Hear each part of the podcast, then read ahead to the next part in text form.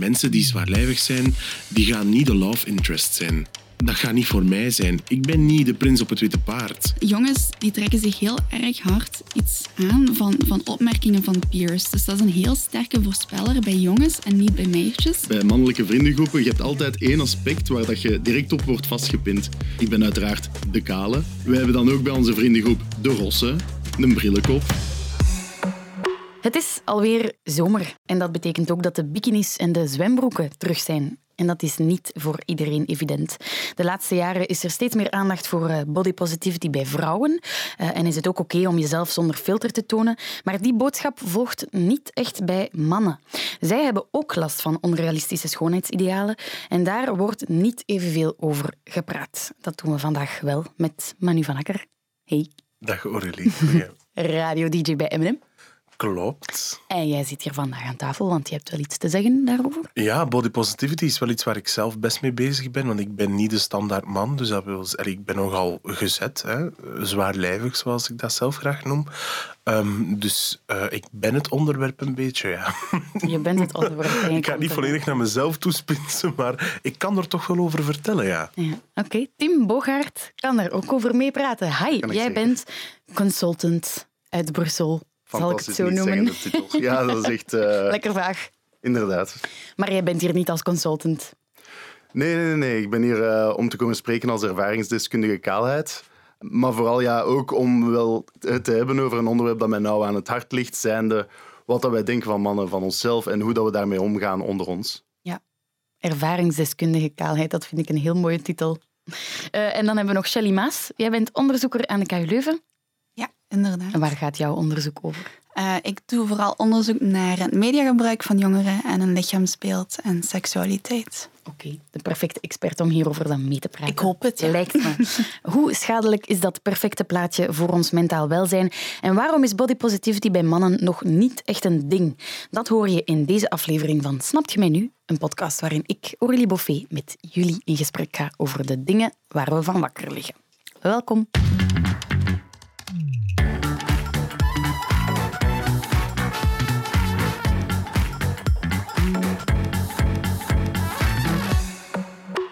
Manu en Tim, jullie zitten hier allebei omdat jullie wel iets te vertellen hebben over body positivity. Jullie struggelen of struggleden uh, verleden tijd uh, met jullie uiterlijk. Manu, ga je eerst naar jou kijken? Ja, ik struggle met mijn uiterlijk, maar dat gaat daarom niet per se over mezelf, maar eerder over de perceptie van andere mensen. Ik zelf ben heel zwaarlijvig en ik ben daar... Dat is al heel mijn leven zo en ik ben daar wel vaak mee bezig. Mm -hmm. Maar ik heb daar nooit echt over gesproken. We gaan straks verder terugkomen op het beeld dat anderen van je hebben, maar hoe voelt dat voor jouzelf? Hoe zie jij jezelf momenteel? Ik moet zeggen dat momenteel mijn zelfbeeld de laatste maanden wel verbeterd is. In die zin dat ik um, nog altijd niet ergens in mijn bloot bovenlijf ga wandelen, maar wel, wel meer durf buiten te komen of daar wel op durf reageren als iemand iets zegt. Ja. Um, en dat was enkele maanden geleden niet zo? Nee, dat was niet zo. En, en ik lachte dat veel vaker weg. Ik ben iemand die, die zelf heel graag uh, lacht, die, die mopjes maakt. Mm -hmm. dus da, dan maak je sneller zelf de mop erover. Hè, vanuit het ding van, ah, maar dan ben ik de mensen voor. Ja. Hè? Ha, ha, ha.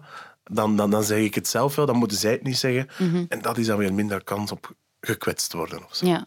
Tim, ik ga even uh, over naar jou. Jij hebt weinig haar op je hoofd. Kan jij daarmee leven?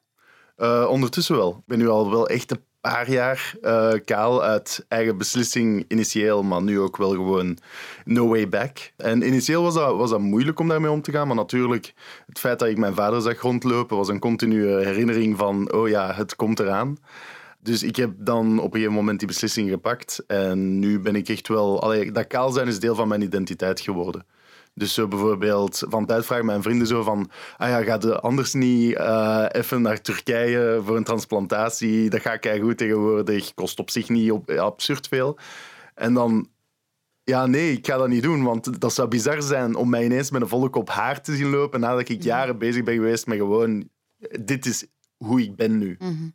En je voelt je daar nu goed bij? Ja, ja, ja 100 procent, 100 procent. Ja. Um, maar als ik nog even mag inpikken op Manu daar straks. Omdat jij het bent, hè? Hij zei daar straks van, hoe struggle ik met mijn zelfbeeld? Ik struggle ook wel nog altijd met mijn zelfbeeld. Maar dat is dan eerder van ja, vroeger.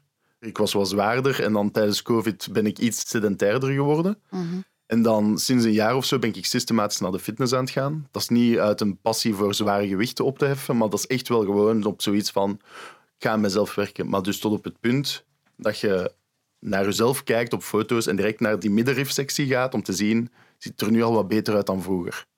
Op zich ben ik redelijk in shape, maar zelfs als dat weg is, zit dat mentale aspect daar nog altijd in. Dat wil ik even zeggen voordat ik het vergat. Ja, ja. Ja, ik ik denk dat het er wel bij aansluit. Vinden jullie dat body positivity en, en, en het accepteren van je lichaam, dat dat iets typisch voor vrouwen is? Of dat dat echt wel een ding is bij mannen? Maar dat dat een ding is bij mannen, daar twijfel ik niet over. Maar dat het in de aandacht gebracht wordt, dat is dan denk ik weer iets anders. Maar dan vind ik het moeilijk om voor eh, de man te spreken of zo, want we zijn allemaal best verschillend. Maar je merkt toch nog dat er nog altijd een, een soort stigma is daar rond.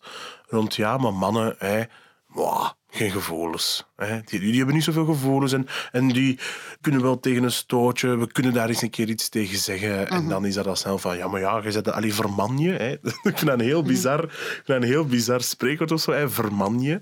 Terwijl vandaag weten we bijvoorbeeld, wat dat een heel goede evolutie is, hè, we hebben respect voor elkaar. Of dat je nu een man of dat je nu een vrouw bent. Maar naar vrouwen toe wordt dat in mijn ogen meer belicht en bij mannen niet. Ja. Het ding is gewoon, bij mannen ligt dat anders. Hè. Ehm, ja, het is, het is gelijk dat je zegt, we zijn harder. Dat is ook gewoon een deel dat erbij hoort, gelijk bij mannengroepen. Bij mannelijke vriendengroepen, je hebt altijd één aspect waar dat je direct op wordt vastgepind. Dus dan, allee, ik ben uiteraard de kale, om het zo te zeggen. Ja, ik Maar ben een dikke. wij hebben dan ook bij onze vriendengroep de rosse, de brillenkop, de dinges. Allee, dus, en wij zijn dan nog met twee kalen in onze vriendengroep. Dus je kunt je inbeelden dat dat van tijd redelijk verwarrend is. Maar dat, dat is heel gemakkelijk bij mannen om te zeggen, ah ja, dat is gewoon dat fysiek aspect en we kunnen daarmee lachen, want we zijn de boys. En dat gaat wel omdat dat direct in je hoofd wordt gestoken van, je moet ermee kunnen lachen. Hè. Maar dat neemt niet weg dat soms dat je daar dieper within wel mee ja, problemen hebt. Dat je daarmee struggelt. En ja, dat kan dan soms die dingen zo ag- aggraveren, maar je hebt dan niemand om ermee te praten, toch niet binnen de boys. Zeker omdat ik begon al wat te kalen rond mijn vroege twintig, misschien zelfs, ik denk zelfs dat het proces al begon rond mijn 18. Ja, dan zijn echt aan het denken van, ga ik nu echt als jonge gast al kaal zijn? Is dat echt eh, het lot dat mij beschoren is? No pun intended. Ehm, ik besefte het ineens. dus- sorry. sorry. dus ja, het, het ding is, zeker in het begin, dat is een gigantisch proces. Hè. Gelijk, ik ben nu echt al wel meer dan vijf jaar kaal. Gelijk, ik houd het niet bij, maar ik ben al jaren kaal. En dat is een proces geweest, maar een ding van acceptatie. Eh, Allee, dat, is, dat is iets wat ik ook zeg tegen andere vrienden die kaal zijn aan het worden. Kaal zijn betekent niet het einde van uw aantrekkelijkheid of zo. Je gaat jezelf gewoon anders moeten beginnen definiëren. Gelijk, ik ben buiten de categorie van mensen met haar gevallen, waar dat ik sowieso al een halve voet buiten stond. Dus om binnen die categorie dan eigenlijk tot uw recht te komen, moet ik weet niet wat moeite doen. Dan ga je over in de categorie van kale mannen en dan verandert het speelveld. Dat vind ik wel grappig dat je dat zegt, dat er verschillende categorieën zijn. eh. Ja, ja. Allee, dat, is, dat is ook... In, in, mijn, in mijn visie heb je categorieën in mannen. En ik zeg categorieën, de, dat, ik bedoel niet hokjes, maar ik bedoel gewoon zo'n stempel. Gelijk bijvoorbeeld hipster houthakker. Wa- Aan wat denkt je dan als bijvoorbeeld luisteraar? Misschien kaal, baard, geruithemd, tattoos, stevig. Dat is het idee dat je in je hoofd hebt. Dus ik bedoel gewoon van, van zodra je geen haar hebt, ga je misschien niet meer surferboy ideaal zijn, maar kun je wel bijvoorbeeld aansluiten bij die Bij hipster houthakker. Ja, ja, ja. Is dat de look waar je voor gaat? Ehm, tot op een gegeven moment. Zonder de tattoos. ah, sorry, er zijn wel tattoos.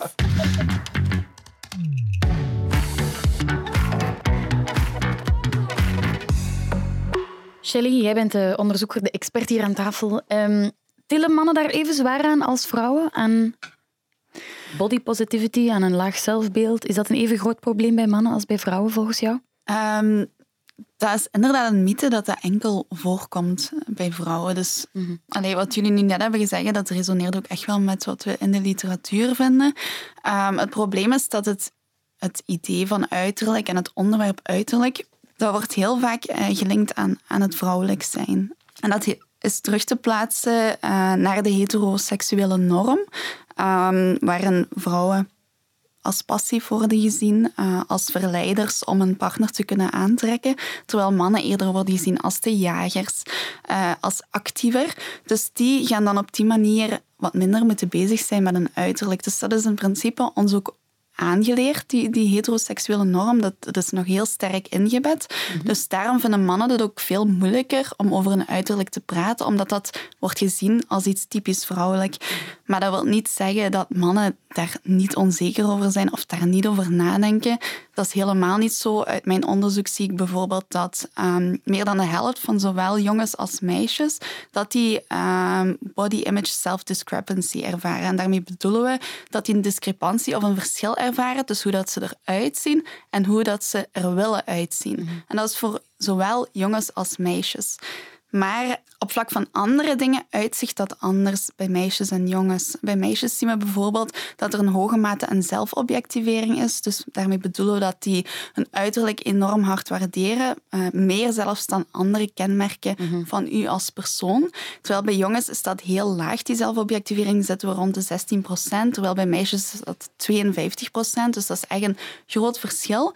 Maar we zien bijvoorbeeld wel bij jongens, en dat klopt ook met, met uw verhaal, is dat um, ja, jongens die trekken zich heel erg hard iets aan van, van opmerkingen van peers. Dus dat is een heel sterke voorspeller bij jongens en niet bij meisjes. Uh, voor, of ja, ook wel bij meisjes, maar sterker bij jongens voor uh, de ontwikkeling van onzekerheden over het lichaam. Omdat die net ja, zich zo sterk willen identificeren met die peers, met die leeftijdsgenoten. En ook het heel belangrijk vinden dat die aanvaard worden binnen die peergroep. Uh, bij meisjes is dat iets helemaal anders. Uh, daar zien we vooral dat de media een grotere impact heeft. En bij jongens zien we ook dat er vaak gesprekken worden aangegaan over gespierdheid, het, het hebben van een bepaalde lichaamsvorm. Dus jongens maken zich sneller zorgen over uh, ja, het te mager zijn, niet gespierd genoeg zijn, terwijl meisjes zich net zorgen maken over het hebben van uh, overgewicht. Maar dat verschilt ook natuurlijk mm. alweer van persoon tot persoon, maar dat is wel de algemene ja. uh, tendens. Je hebt het nu over die sociale rollen, iets dat al heel lang speelt, maar is dat de laatste jaren niet veranderd? Ik heb het puur gevoelsmatig, dus spreek me tegen. Ik heb het gevoel dat vrouwen altijd al heel veel met hun gewicht uh, zijn bezig geweest, hoe dat ze eruit zien, mm maar dat nu mannen veel meer dan vroeger bijvoorbeeld bezig zijn met hoe dat ze voorkomen. Er is nu ineens een gigantische boom in fitnesscultuur, bij jonge mhm. mannen ook. Mhm. Heeft sociale media daar niets aan veranderd? Dat is heel moeilijk om dat vast te pinnen aan sociale media. Want vroeger werden mannen ook bijvoorbeeld blootgesteld aan uh, films waarin je Arnold Schwarzenegger zag of, of Jean-Claude Van Damme. Die hadden ook het perfecte lichaam. Die hadden ook de perfecte haardos. Of ook ja, het kijken naar sport. Je wordt blootgesteld aan voetballers die het perfecte lichaam hadden, die ook veel gaven om een uiterlijk, vooral in de begin jaren 2000. Dus het is niet dat mannen nooit zijn blootgesteld geweest aan zulke inhouden. Bij meisjes is dat gewoon opnieuw, of bij vrouwen op een andere manier, komt dat voor in de maatschappij. We hadden bijvoorbeeld magazines die zich heel expliciet focusten op uiterlijk gerelateerde boodschappen bij vrouwen. Maar dat wil niet zeggen dat in die roddelboekjes ook niet eens een man werd vergeleken met een andere man. Mhm. Ehm, het is nu gewoon veel meer bespreekbaarder geworden. En ja, sociale media voegt daar iets aan toe, mhm. voor zowel jongens als meisjes. Maar nu ga ik even terug naar jou komen. Ehm, wanneer is het besef gekomen dat je niet in dat ideaal plaatje past? Uh, altijd al toen je kind was ook? Ja, altijd al. Ik was altijd het dikste kindje, het uh, niet in, de, in het uh, plaatje passende. Mm. Ja, ja, zeker. Um, ik heb als kind altijd uh, gezwommen. Je zou het misschien niet zeggen, maar ik ben nog competitiezwemmer geweest. Mm. En daar merkte dat heel hard natuurlijk. Want ja, je hebt dan allemaal van die afgetrainde, strakke lijven, zowel bij mannen als bij vrouwen. Maar zelf hoorde daar totaal niet in. Is dat totaal geen, geen dingen. Ik was ook gewoon altijd de laatste. was wat? maar ja, dat is heel, heel vroeg. Heel, heel vroeg.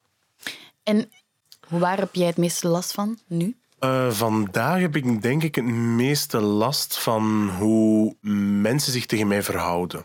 Hoe bedoel je? Dus dat gaat dan bijvoorbeeld, maar dat gaat over hele kleine dingen. Dat zijn ook dingen die ik in mijn hoofd steek. Maar dat gaat over dingen zoals vooroordelen. Er, er is een blijkbaar een stramien van ja, mensen die, eh, die zwaar zijn, die, eh, die, die stinken, die zijn niet leuk. zo, zo lijkt dat meestal. Ja, dat Niet is, leuk? Ja, niet leuk of die kunnen niet tof zijn. Of ehm, ik heb dat bijvoorbeeld ook, de trein zit stampvol en ik moet ook wel zeggen, ik haat het als er mensen naast mij komen zitten. Maar ja, natuurlijk, ja, mijn gat geraakt niet volledig op dat zeteltje. Dus ja, mijn bil wipt daar een beetje over, maar er kan heus nog iemand naast zitten. Maar dan merk ik ook wel dat ik de laatste ben in de wagon bij wie dat ze gaan zitten. Want ja, daar heb ik veel minder plaats. Eh, dus dat zijn zo dingen dat je in je hoofd begint te steken en dan denk je van, ah ja, ik ga daarop beginnen letten. En dan, ja, dan gaat dat als een pingpongbal hè, heen en weer. En denkt, oh nee. En dan, maar eigenlijk ja, hoef ik me daar minder van aan te trekken. Allee, vind ik toch zelf. Maar ja, dat gebeurt altijd opnieuw. Dat is iets in je hersenen dat geactiveerd wordt. Ja, Ik kijk naar, naar de mevrouw de professor, want dat is mevrouw de professor. nog niet. Ja, Ja, dat is eigenlijk een eh, typische internalisering van schoonheidsidealen. Wat, eh, zo, zo noemen wij het. Is dat je, ja, jouw idee van schoonheid wordt bepaald door de idealen die worden uitgestuurd en, en, en belangrijk zijn binnen onze maatschappij. En ook ja, die stereotypen waar je het net over had, dat, dikke personen vaak gezien worden als ja, inherent slecht. ja of, on- of, of lui. onverzorgd gewoon. Onverzorgd. Ja, lui, lui. Ja, dat is niet eenmaal gepromoot geweest binnen de media. Als we bijvoorbeeld kijken naar studies in tv-series, eh in films, zien we dat dikkere personen die waren eh, vaker minder succesvol op vlak van vriendschap, op vlak van werk, eh, op romantisch vlak. Maar die werden ook heel vaak gelinkt aan karakteristieken zoals luiheid, maar ook eh, het hebben van een slechte persoonlijkheid. En dan denk ik direct aan Homer Simpson, eh, Peter van Family Guy, maar ook in, in de Disney-films Ursula is ook een dikker persoon. Die wordt ook als inherent slecht afgebeeld. Dus het is redelijk normaal dat je die kenmerken, dat je dat gaat linken aan het dik zijn en dat je dat op een of andere manier gaat internaliseren en gaat aanleren. Dat is Ja. iets heel moeilijks wel om daarvan af te geraken, omdat het al in je kindertijd is aangeleerd geweest. Ja, maar ik ben eigenlijk echt heel blij dat je dat zegt. Want dat is iets wat je dan vandaag bijvoorbeeld... Hè, vandaag zeggen we in, in eh, elke mediaconsumptie gaan we eh, strijden naar inclusiviteit. Vinden we ontzettend belangrijk dat er in een cast van een reeks dat dat een inclusieve cast is. Hè. Dus daarmee dat we bedoelen dat er mensen van kleur zitten, gender, eh, maakt allemaal niet uit. Een inclusieve, diverse cast. Maar wat zie je vandaag nog altijd, is bijvoorbeeld dat ehm, mensen die zwaarlijvig zijn, die gaan niet de love interest zijn. Die zijn niet ehm, de persoon dat het meisje ziet wandelen en denkt van wauw, wat een knappe gast is dat. En dat dat gaat uitgespeeld worden. De seksscène is ook niet voor mij. Ik, ben, ik, ik, allee, ik werk ook als acteur en ik, ik weet ook dat dat... Dat gaat niet voor mij zijn. Ik, ik, ik ben niet de prins op het witte paard. Als er vandaag een reeks gaat uitgebracht worden en dan moet ik sorry, bubbels breken voor mensen, maar je hebt dan voor de reeks als Knock-Off. Hè, dat is een super straffe reeks. Dat is heel erg goed gemaakt. Dat is goed geschreven. Dat is keigoed gespeeld. Maar dat zijn allemaal, en dat is geen persoonlijke aanval op die acteurs, dat zijn allemaal afgelekte boykes die allemaal er keigoed uitzien, die lijf hebben van hier tot ginder. En dat is één, geen representatie van de maatschappij. Want ik ben van aan de kust en ik weet wat er daar rondloopt. En ik kan u zeggen, niet alleen dat, maar ook Tevas en, en driekwartsbroeken. Maar dat is ook... maar dat is, daarnaast is dat gewoon vind ik dat gewoon niet kloppen. Want ik kan mezelf niet herkennen in, in iets. We hebben allemaal die filmpjes gezien als de, de actrice van Little Mermaid voor de live-action film werd bekendgemaakt. En er waren ehm, eh, zwarte kindjes die herkennen, die dachten, wow, she looks like me. Dat is, die, die kinderen herkennen zich. Maar ik heb dat, ik heb dat ook nooit gehad. Ik, moet, ik wil ook niet zeggen dat ik de, de, de benadeelde persoon ben in de maatschappij en ik heb het zwaar gehad. Dat is het echt niet. Maar het is ook iets. Net als dat een, een kleurenherkenbaar iets kan zijn, kan een lijf dat ook zijn. Ja. ja, dan heb je het meer over representatie, inderdaad. Mhm. Eh, je had het ook al over de internalisering van die eh, vooroordelen. Maar merk je dat ook echt, dat die benadeeld wordt? Merk je dat in het gedrag van mensen, dat je ook benadeeld wordt of anders behandeld wordt? Ja, omdat je mensen hebt die eh, een beeld vormen rondom je, en dat is vaak in een oudere generatie, die weten van, dat is een zwaar iemand, die eet graag eten. Dat is, dat is iemand die graag iets eten. Hè? Ga je het gerne keer eten. Dat is, hè. Zeggen ze dat tegen jou? Ja, Zo? ja, ja, ja, dat is al gebeurd. Dat mensen over mijn buik wrijven en zeggen... Ah, jij het ook graag eet, hè. Dan denk ik zo... eh, ja, José, en fuck you. Met u. Ah, wel Oh my durven. God. Ja, ja, maar, maar je moet dat durven. En nu doe ik alsof dat ik dat normaliseer. Dat is ook zeker niet waar. En dat, dat gebeurt ook niet elke dag, hè, vrienden. Ik bedoel, dat, is, dat, is, allez, dat is misschien twee of drie keer gebeurd. Maar dat is wel twee of drie keer te veel.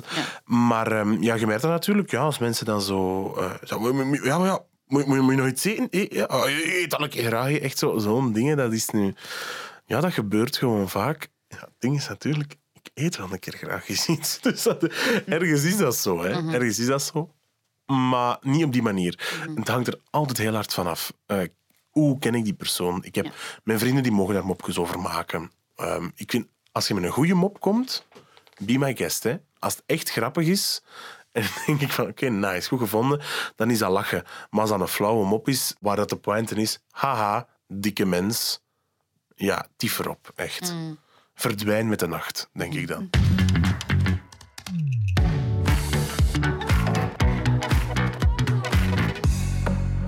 Shelley, is er in onze maatschappij sprake van positieve discriminatie tegenover mooie mensen? Want daar lees ik ook af en toe iets over, dat, dat mooie mensen onbewust beter behandeld worden.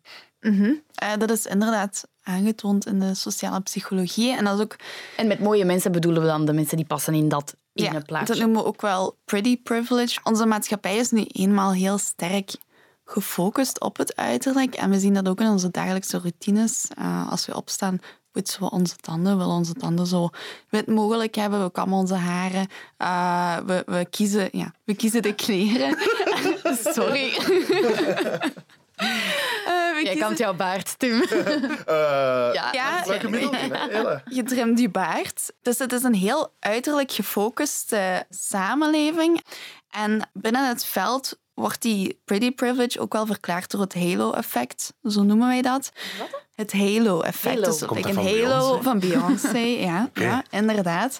Dus daarmee bedoelen we als iemand een bepaald positief attribuut heeft, zoals eh, een, voldoen aan het schoonheidsideaal of gezien wordt als aantrekkelijk, dan straalt dat ook uit naar die persoon in zijn geheel. Dus dan ga je die persoon ook op een goede manier gaan beoordelen. Dat zorgt er natuurlijk voor dat, dat personen die er aantrekkelijker uitzien, dat die ook bevoordeeld worden. En we zien in studies dat, dat personen die voldoen aan het schoonheidsideaal of gezien worden als aantrekkelijk, dat die vaker worden uitgenodigd voor een job, dat die ook vaker geholpen worden en dat die ook inherent gezien worden als een goed persoon. En ja, in de maatschappelijke context wordt die schoonheid ook een beetje gerelateerd aan het hebben van zelfcontrole. Want we groeien op in een samenleving waarin ja, we kunnen spreken van een overconsumptie. Je hebt heel veel toegang tot bepaalde soorten voeding. Dus als je daaraan voldoet, wil dat zeggen dat je op een bepaalde manier eh, een bepaald soort zelfcontrole uitoefent. En dat wordt heel erg gewaardeerd eh, binnen de maatschappij. Dus dat kan ook deels verklaren waarom dat personen die aan het ideaalbeeld voldoen, dat die nu eenmaal eh, bevoordeeld worden. ja. Is dat ideaalbeeld, ehm, wat wij allemaal voor ogen hebben, is dat overal hetzelfde? Of fluctueert dat naar gelang het land, de community?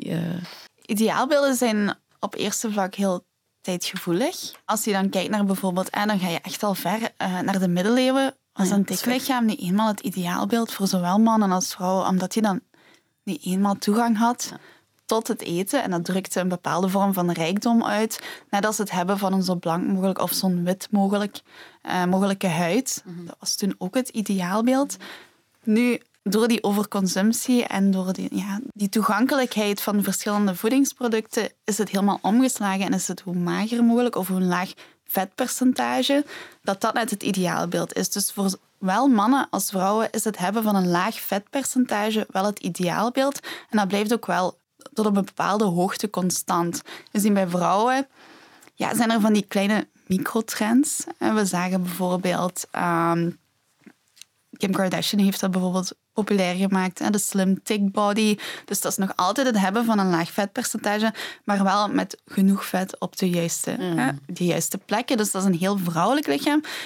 Maar we zien nu opnieuw dat dat weer aan het afnemen is. Want Kim Kardashian is haar implantaten aan het verwijderen of de hele familie is dat aan het doen. Dus je Zij is het probleem. Ja, het probleem niet. Sommige mensen zeggen dat inderdaad, maar zo zal ik het niet noemen. Maar ze zijn wel voorspellers van de trends. Eh, en het is ja, heel erg om daarover na te denken dat, dat je lichaam onderhevig is aan trends. Dat zou in principe geen trend mogen zijn. Eh, bij mannen is dat iets stabieler geweest op vlak van ehm, gespierdheid. Ja. En waarom gespierdheid? Omdat mannen nu eenmaal, hè, opnieuw die heteroseksuele norm, die moeten een beschermende rol opnemen tegenover de vrouw. En wat moet je daarvoor zijn? Sterk. En wat wordt gezien als sterk? Gespierdheid. Dus ja. Je haalt nu aan de heteroseksuele norm, maar wat ik veel rond mij hoor, eh, ook van gay vrienden van mij, die zeggen ehm, voor de heteroseksuele norm ben ik heel goed, ben ik eh, dun, ben ik eh, fit, maar voor de gay norm ben ik ineens dik. Ja, ik had onlangs een artikel gelezen over de toxische lichaamscultuur in de gay community. En daarin zei iemand: Ik ben eigenlijk gay fat, straight skinny.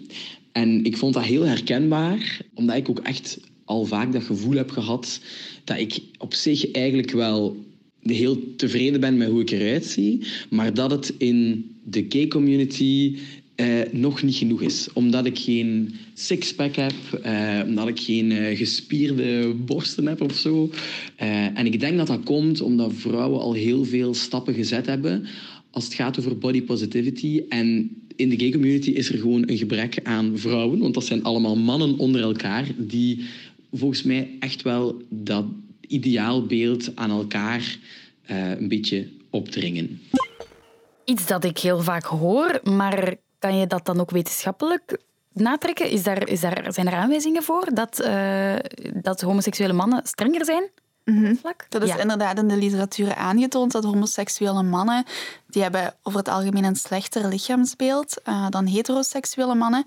En dat die gay-cultuur ook veel kritischer is tegenover het uiterlijk van mannen in vergelijking met de heteroseksuele cultuur. En hoe komt dat? Ik denk inderdaad dat dat de mannen onder elkaar misschien wel een hele goede reflectie is. Ehm, we zien uit onderzoek dat mannen vooral heel erg gevoelig zijn voor de indrukken van, van peers, voor, van leeftijdsgenoten, de opmerkingen daarvan.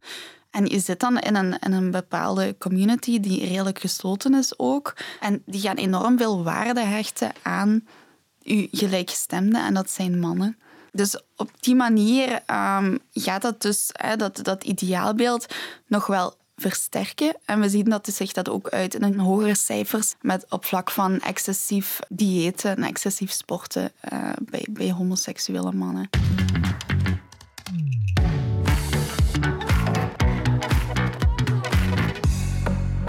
Ja, er is duidelijk een probleem. Mhm. Wat zouden we dan moeten doen om een ander ideaalbeeld te creëren? Of om, om, wat zouden jullie nodig hebben? Maar nu kan ik bijvoorbeeld met jou beginnen. Wat zou je nodig hebben?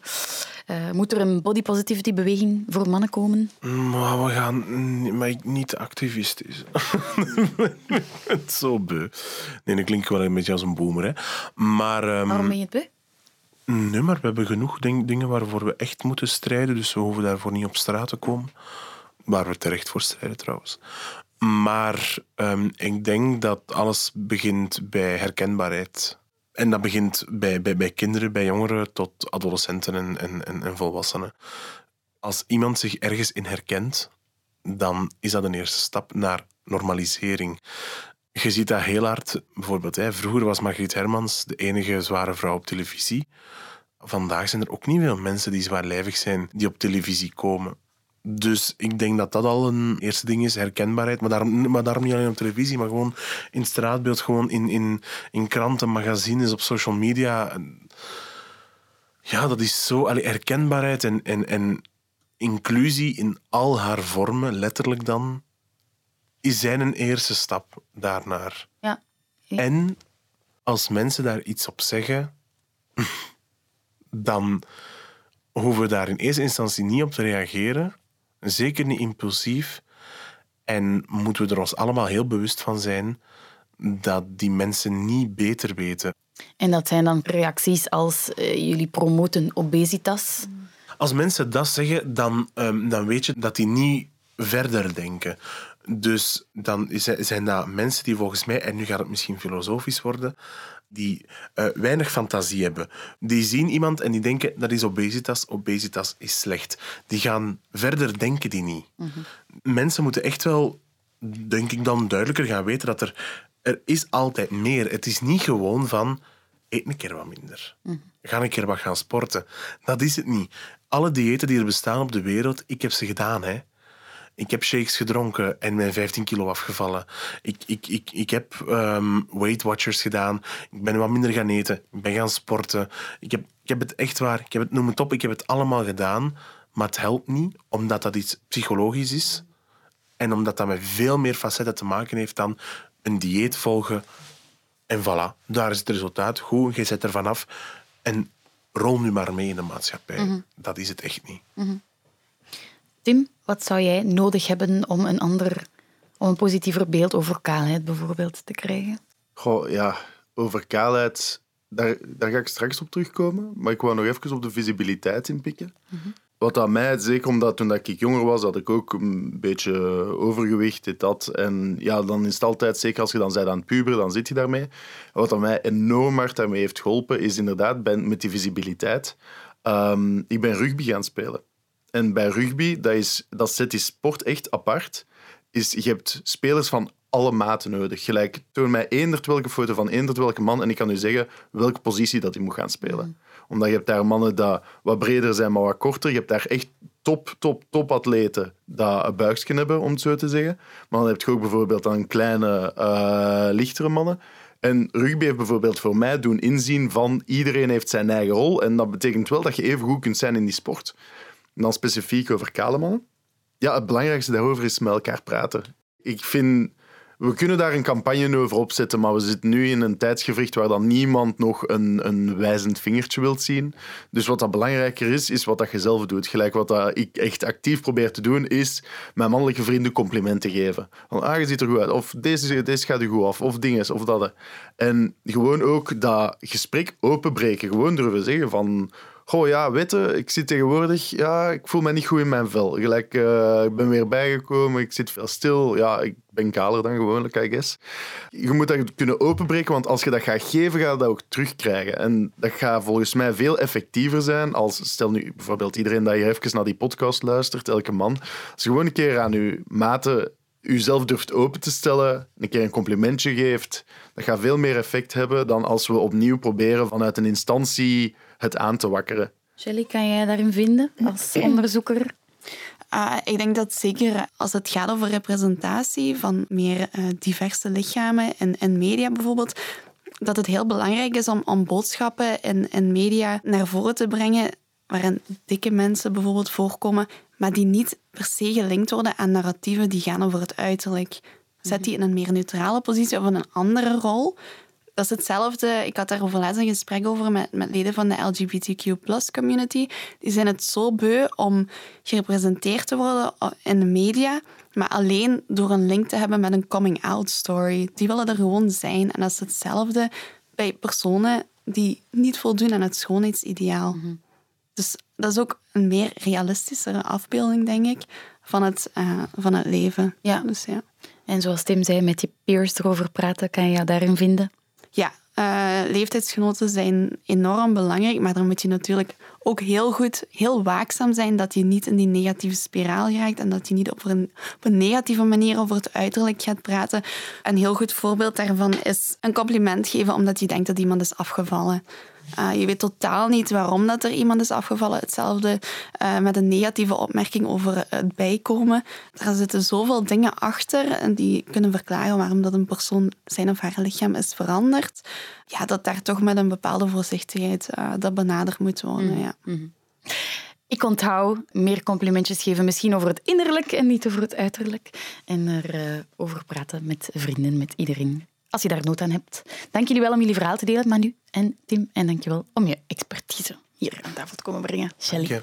Merci. Dag. Doei. Dit was hem alweer, de laatste aflevering van Snapt je mij nu voor de zomer? Ik ben terug in september met nieuwe onderwerpen en intussen kan je altijd naar vorige afleveringen luisteren, want die blijven relevant. Laat me zeker ook weten wat je van de podcast vindt en wat jij graag in het volgende seizoen wil horen. Altijd bereikbaar via mijn eigen sociale mediakanalen. Dat is Aurélie-Boffé op Twitter en Instagram of via de Insta-pagina van VRT Nieuws. En dan wens ik je nu een fijne zomer. Merci om te luisteren.